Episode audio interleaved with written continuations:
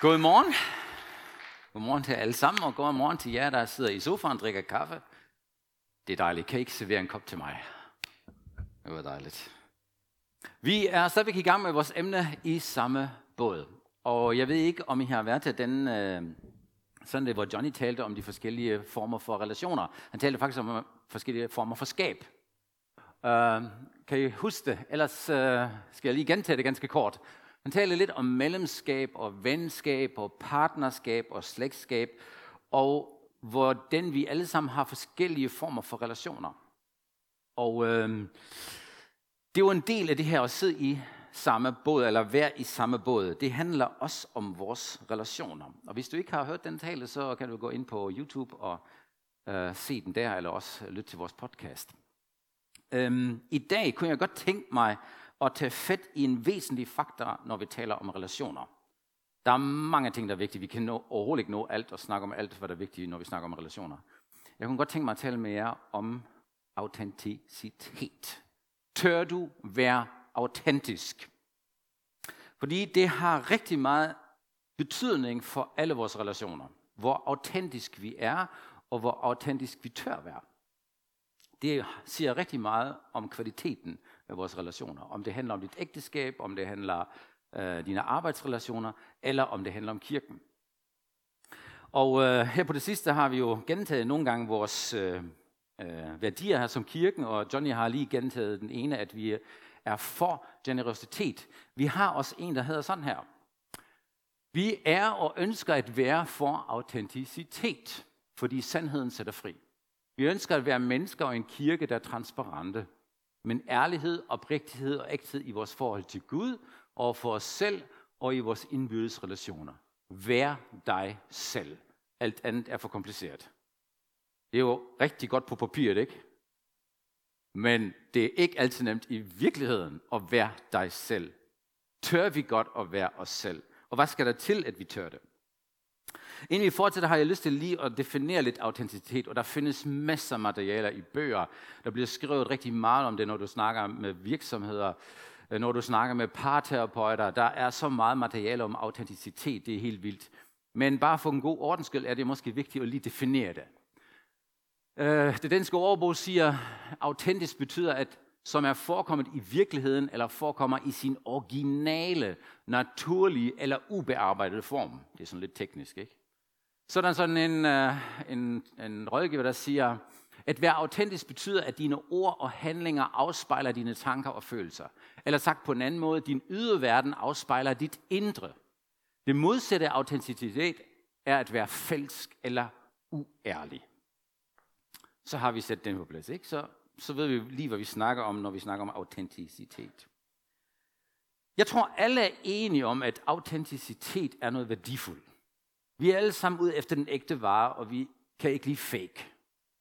Hvis du skal vælge med en ægte Porsche eller en fake Porsche, jeg ved præcis, hvad jeg vælger. Hvis du skal vælge med en ægte 100 kroner selv eller en forkerte, alle ved, at vi vil gerne have den ægte vare. Når det kommer til vores liv og vores relationer, så er det begynder det lidt mere kompliceret. Fordi øh, der, der er nogle andre elementer, der spiller ind, at det nogle gange er svært at være autentisk.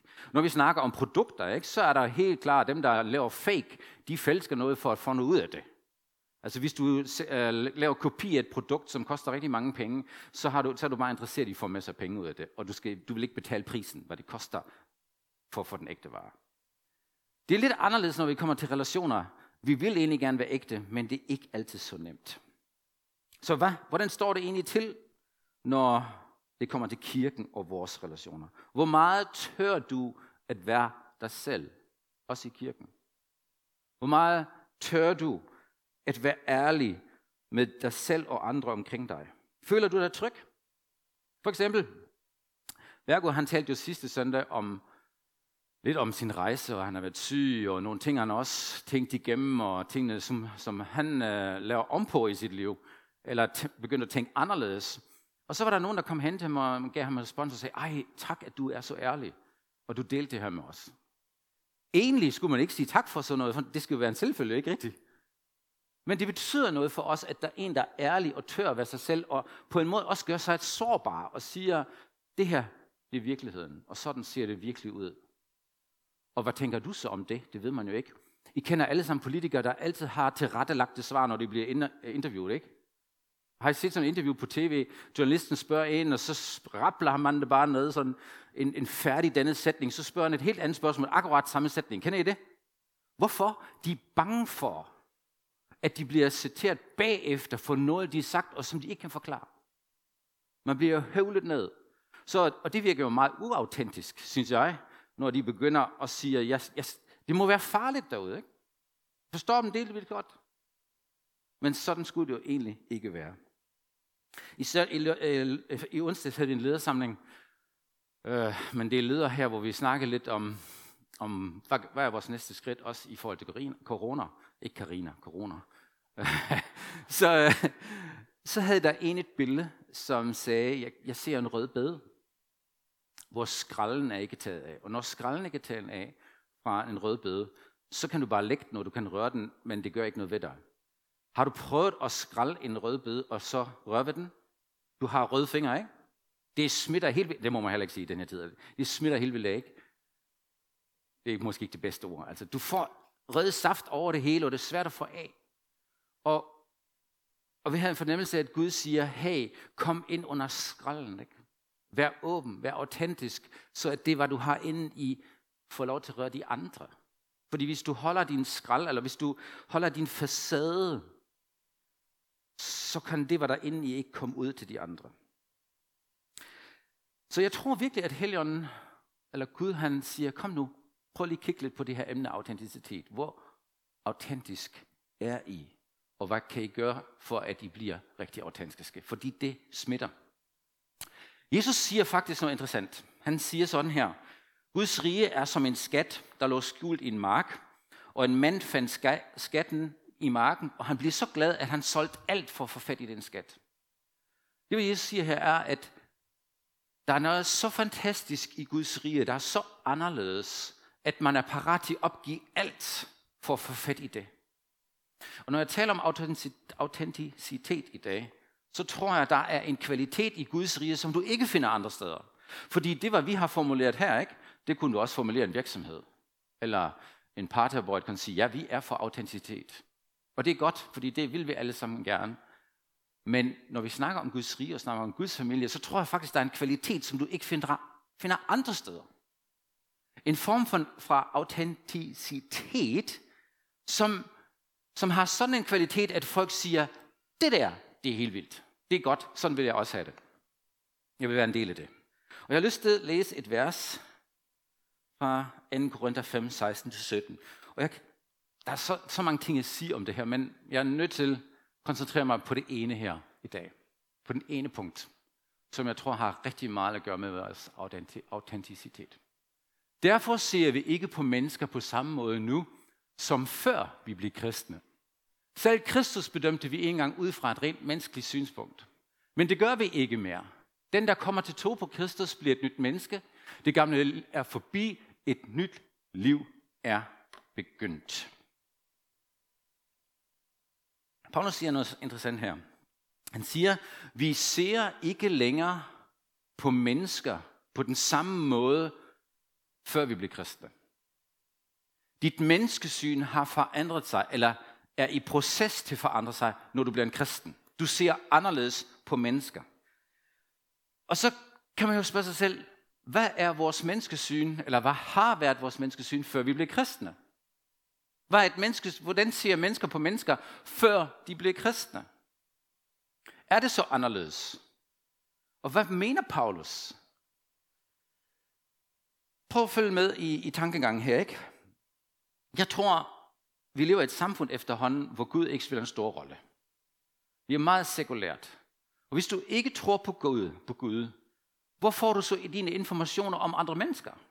Du får noget fra videnskaben, du får noget fra nogle religioner, du får nogle informationer fra nogle øh, politiske partier, du får noget, øh, du får noget opvækst, du får noget opdragelse, du får noget humanisme ind, eller ateisme, alt hvad du vil, ikke? Og, og dit menneskesyn er faktisk meget, meget subjektiv. Fordi alt det, hvad der har præget dig, det har givet dig en filter, og du ser på andre gennem de filter. Det er det, der foregår i vores samfund. Og vi er, der er en stor diversitet, og der er sandelig mange syn på mennesket. Og det afspejler sig, hvordan vi behandler hinanden, og hvordan vi opfører os over for hinanden. Det er meget naturligt. Jeg synes faktisk, det, hvad der foregår i vores samfund lige nu, er lidt skræmmende, ikke? eller en afsløring af vores virkelige menneskesyn. Fordi der er kæmpe, for, ja, altså jeg siger splittelse, ikke? Vores samfund bliver mere og mere splittet i, du har ret, og du har ikke ret, og du passer ikke i min, øh, du har ikke min mening. Prøv at følge med i diskussionerne. Det er ikke længere en savlig diskussion, hvor vi siger, vi kan godt snakke om det her. Det er en diskussion, hvor man kæmper om argumenter, og hvis du ikke har den samme mening, så er du bare en idiot. Og du er bare dårlig. Du skal helst ikke være her næsten, ikke? fordi vi kan ikke lide dig. Og det der, det er forfærdeligt. Og man, man sviner mennesker til, man håner. Og når vi først får den kultur ind, at det er sådan, at man sviner de andre til, fordi de har en anden mening, og der er nogle andre holdninger. Ikke? Hvis vi først har den, det er som en kultur, så tør du ikke din, sige din mening mere længe. Det har så været, altid været der, men jeg synes, det begynder at sådan blive lidt værre end, ikke? Og man faker det. Man, man er nødt til at fake det. If you can make it, fake it. Du tør ikke at være dig selv. Og selvfølgelig er der nogen, der tør at være sig selv, og stå frem og sige, hvad de mener. De er ligeglade, hvad andre mener om dem. Men de får sandelig hug, og det er ikke et trygt område mere. Hvis du følger med i diskussionerne, ikke? bare den med racismen, eller omskæring af små drenge. Jeg ved ikke, øh, diskussionen er gået helt af spor, tænker jeg, og det er faktisk modigt ekstremt modig af vores statsminister at trække det kort frem og sige, jeg er ikke for det personligt, men på grund af det og det, så er jeg ikke med på det. Det er modigt, og jeg kan love dig, hun har fået hug for det. Hun har mistet venner og tilhænger på grund af den her holdning, og hun har også blevet svinet til. Ikke? Eller den med juridisk kønsskifte. Ikke? Hvordan vi diskuterer, og hvordan vi argumenterer.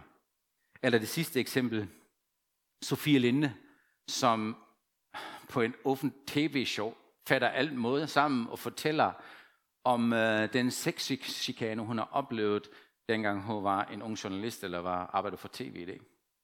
Se den reaktion. Hun har skjult noget i flere år. Hun turde ikke at sige det. Og nu kommer det frem, ikke? Og så kæmpe diskussion. Kan det komme frem? Hvor autentisk må du egentlig være? Har vi et problem? Har vi ikke et problem?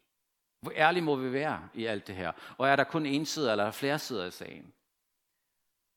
Det med autenticitet i samfundet, det er faktisk en, en, en udfordring, fordi, og her kommer min pointe, hvordan vil du definere, hvad der er godt og ondt, hvis du ikke tror på Gud?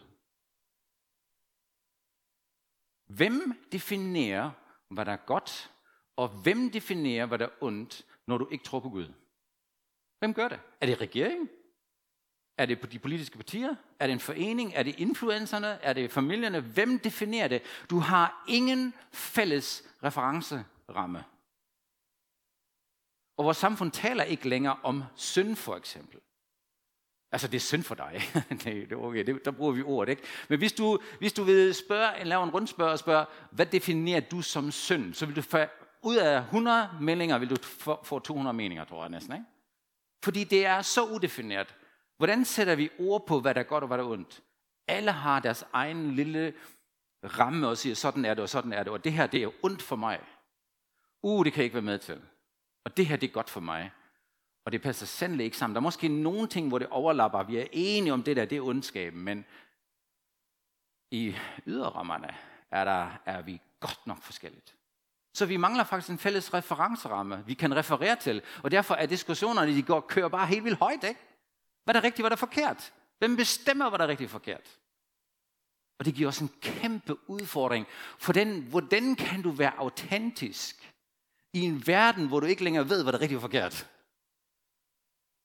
Det er jo svært at navigere i. Fordi hvis du får ros fra den ene side, så får du hug fra den anden, ikke? Og så bliver du så politisk og faker den hele tiden. Hvordan navigerer jeg i? Mette Frederiksen, ikke? Hun skal finde ud af, er jeg, gør jeg alle mine egne vælger til fest? Gør jeg det, hvad der selv synes, der er rigtigt? Gør jeg jøderne til pes? Hvem skal jeg egentlig, hvad er det rigtige at gøre her? Kan kan I se hendes dilemma? I en verden, hvor der ikke længere er rigtigt og forkert. Paulus siger, sådan tænkte jeg, før jeg blev kristen. Det er, ikke noget, det er jo ikke noget nyt. Sådan har det altid været. Sådan tænkte de i Korinth, ikke? Og dengang i Romeriet, der var der heller ikke noget rigtigt, hvad der var, var rigtigt og forkert. Alle havde deres egen mening. Og så kommer Paulus og siger, men da jeg bliver en kristen, der ændrede mit syn sig. Og blandt andet, fordi Jesus er jo kommet for at sætte ord på, hvad der egentlig skader os. Nemlig synden. Synden er ret defineret i Bibelen. Ret klart. Og det er peget ud op og skrevet meget klart og tydeligt, det der, det skader jer. Det er ikke godt for jer. Og når du kigger på det, hvad Jesus siger om de ting, så siger han, jeg er kommet for at fjerne syndens magt, det var der skader jer. Jeg fjerner synden, som ødelægger og bringer død og ødelæggelse. Og betaler en ekstrem høj pris for det. Jeg dør på et kors for jeres skyld, så at vi en gang for alle fjerner det her kraftsvulst af sygdommen, af, af synd. Ikke? Men han definerer det. Han siger ikke bare, når jeg ved heller ikke rigtigt, hvad der er rigtigt og forkert. Han siger, jeg dør for alt, hvad der er forkert. Jeg dør for alle de ting, som ødelægger de andre. Og Jesus sætter så klart ord på det, at vi også kan det. Derfor har vi også tilføjet i den ene sætning, vi er for autenticitet, fordi sandheden sætter fri. Sandheden sætter dig fri. Det vil sige, at vores forhold til synd er en helt anden forhold, end, end folk derude. De ved ikke engang, hvad synd er. Og det er også svært at prædike evangeliet, hvis du bare siger, at du er en synder, og man siger, at en synder, ja, det vil jeg da gerne være. Men hvad er der galt med det, ikke? Fordi der, der er jo ikke noget begreb længere, der er ikke noget bagved det ord. Folk forstår det ikke. Øhm, når Paulus siger, sådan tænkte jeg før jeg var kristen, hvad er så anderledes efter du blev kristen? Og blandt andet fordi Jesus siger, jeg har fået et nyt liv. Jeg bliver forsonet, forsonet. I kommer til tro. I bliver et nyt menneske. Det gamle er forbi. Jesus har haft et opgør med synden. Og det vil sige, at din nye identitet ligger ikke længere i det, hvad du gør, eller hvad du tænker, eller hvad du føler. Se folk ude i samfundet, som ikke er troende, ikke? De er ekstremt meget afhængige af, hvad de føler, hvad de tænker om sig selv, hvad andre tænker om, sig, om dem. Det indre liv er ekstremt kompleks. Se, vi kan alle sammen have en fantastisk facade, og jeg takker Gud, at ikke alle kan se, hvad der foregår inde i hele tiden. Ikke? Det er jo fantastisk, at det ikke er sådan. Men problemet opstår jo, hvis det indre liv og det ydre liv ikke hænger sammen mere. Og der er så mange mennesker, der er så snot forvirret efterhånden. Fordi deres indre liv hænger ikke sammen med deres ydre liv. Og derfor er det ekstremt svært at være autentisk. Vi alle sammen sukker efter autenticitet. Hvornår, hvornår kan du være ægte? Jamen det er svært, fordi jeg vil overhovedet ikke afsløre, hvad der foregår inden i mig.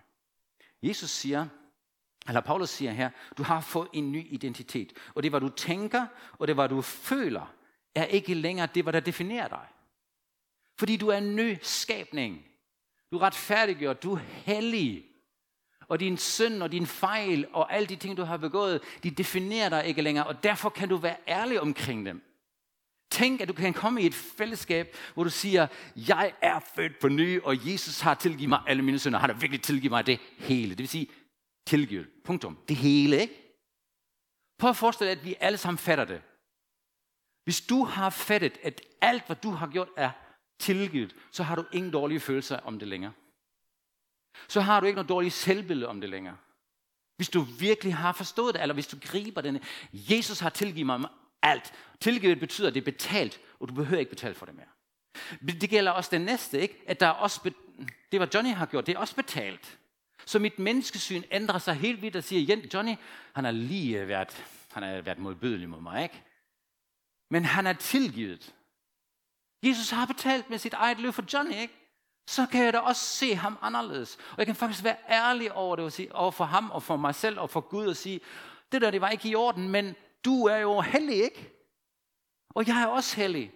Og vi står i den, i den samme familie, hvor alt, hvad vi har gjort, er tilgivet. Vi har fået en ny identitet.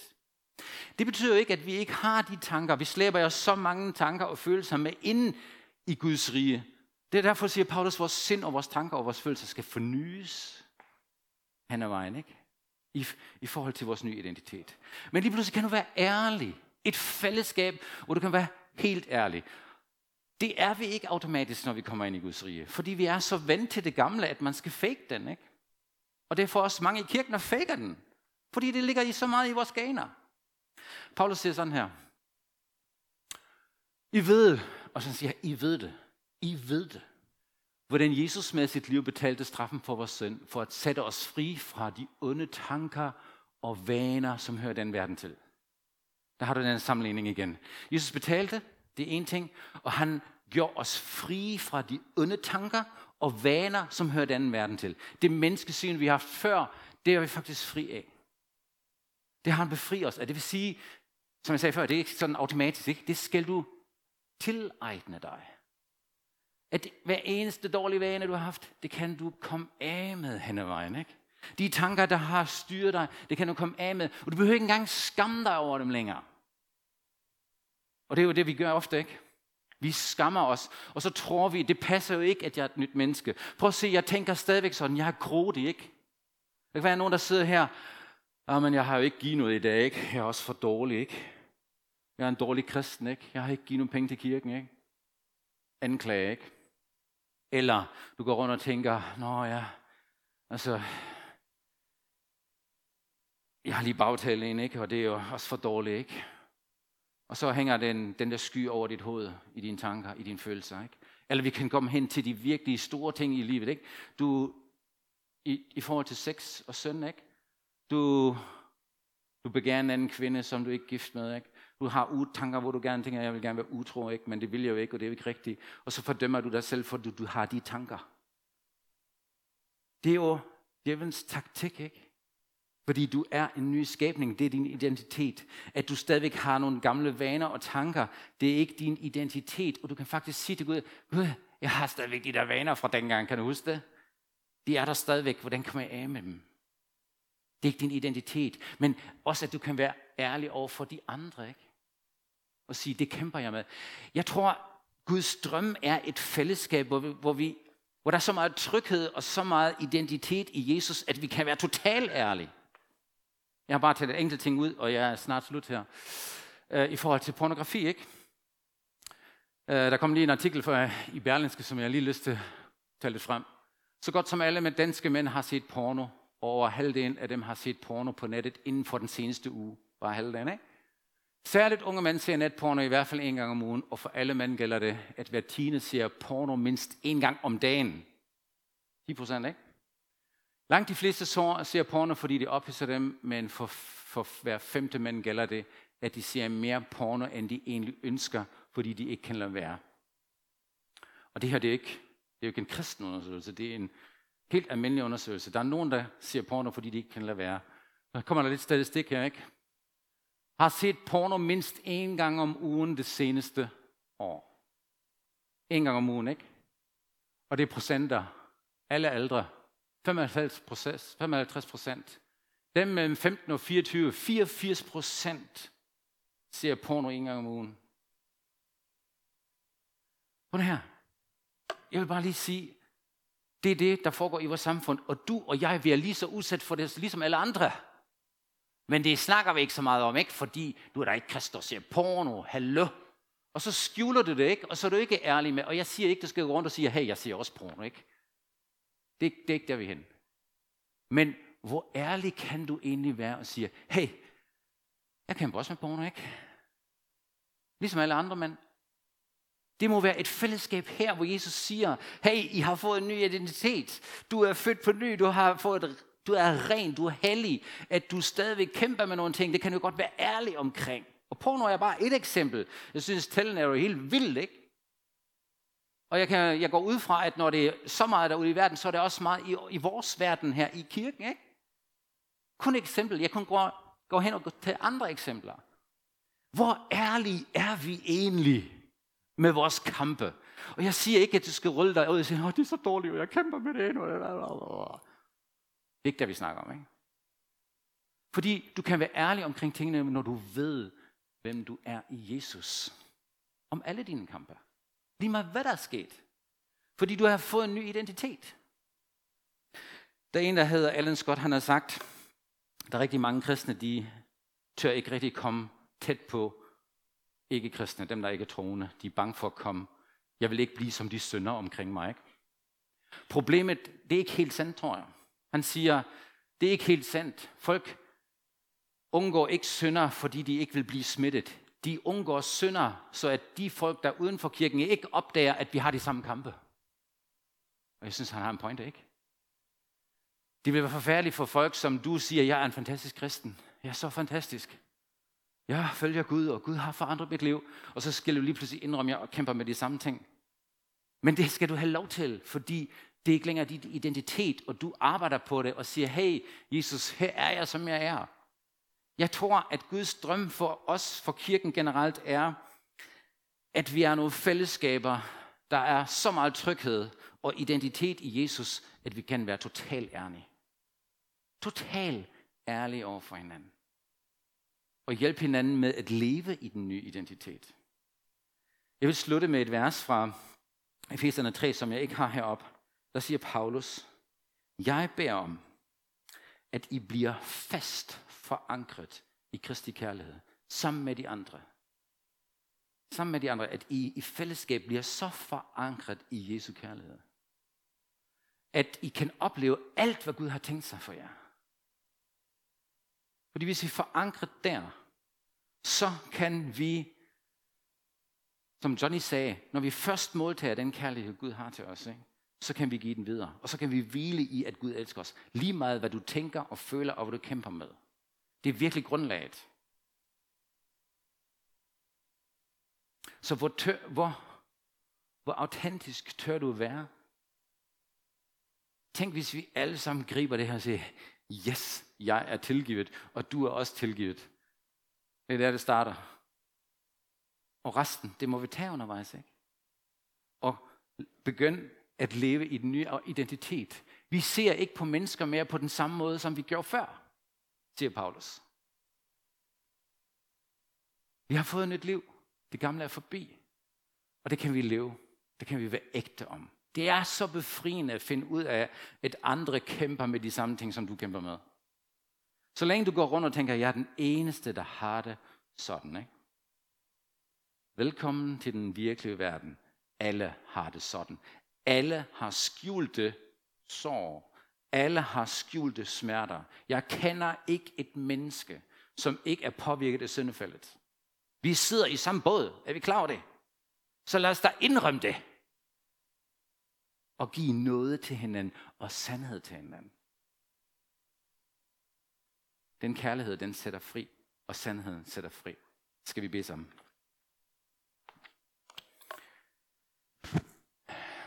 Jesus, jeg takker dig, at du er kommet for at skabe nogle rammer, hvor vi virkelig kan være autentisk. Tak, at det fællesskab, du skaber, har en helt anden kvalitet end fællesskaber i verden. Fordi du sætter simpelthen nogle ting for plads, Jesus. Du har betalt sådan en høj pris. Det har kostet dig alt. Vores søn, de ting, vi har begået, det, det, det har kostet dig livet. Det har, du har taget det hele på dig, Jesus. Her jeg beder dig om, at den sandhed og den nåde bliver sådan dele os, at vi kan være vokse i autenticitet her. At vi bliver mere og mere autentisk, mere og mere afslappet, fordi det her det er et trygt område, hvor din nåde regerer. Her jeg beder om, at kirken generelt bliver kendt for et sted, hvor man kan være sig selv og slappe af og sænke skuldrene. Og så starte det nye liv, du har givet os, Jesus. Uden fordømmelse, uden anklage. Tak her for det, hvad du gør i os. Og tak, at du er med til at skabe det her fællesskab. Og tak, Jesus, at det er det friske vand, som mennesket længes efter.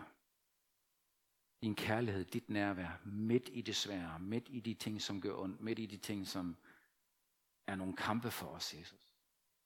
Tak for din kærlighed til os. Amen.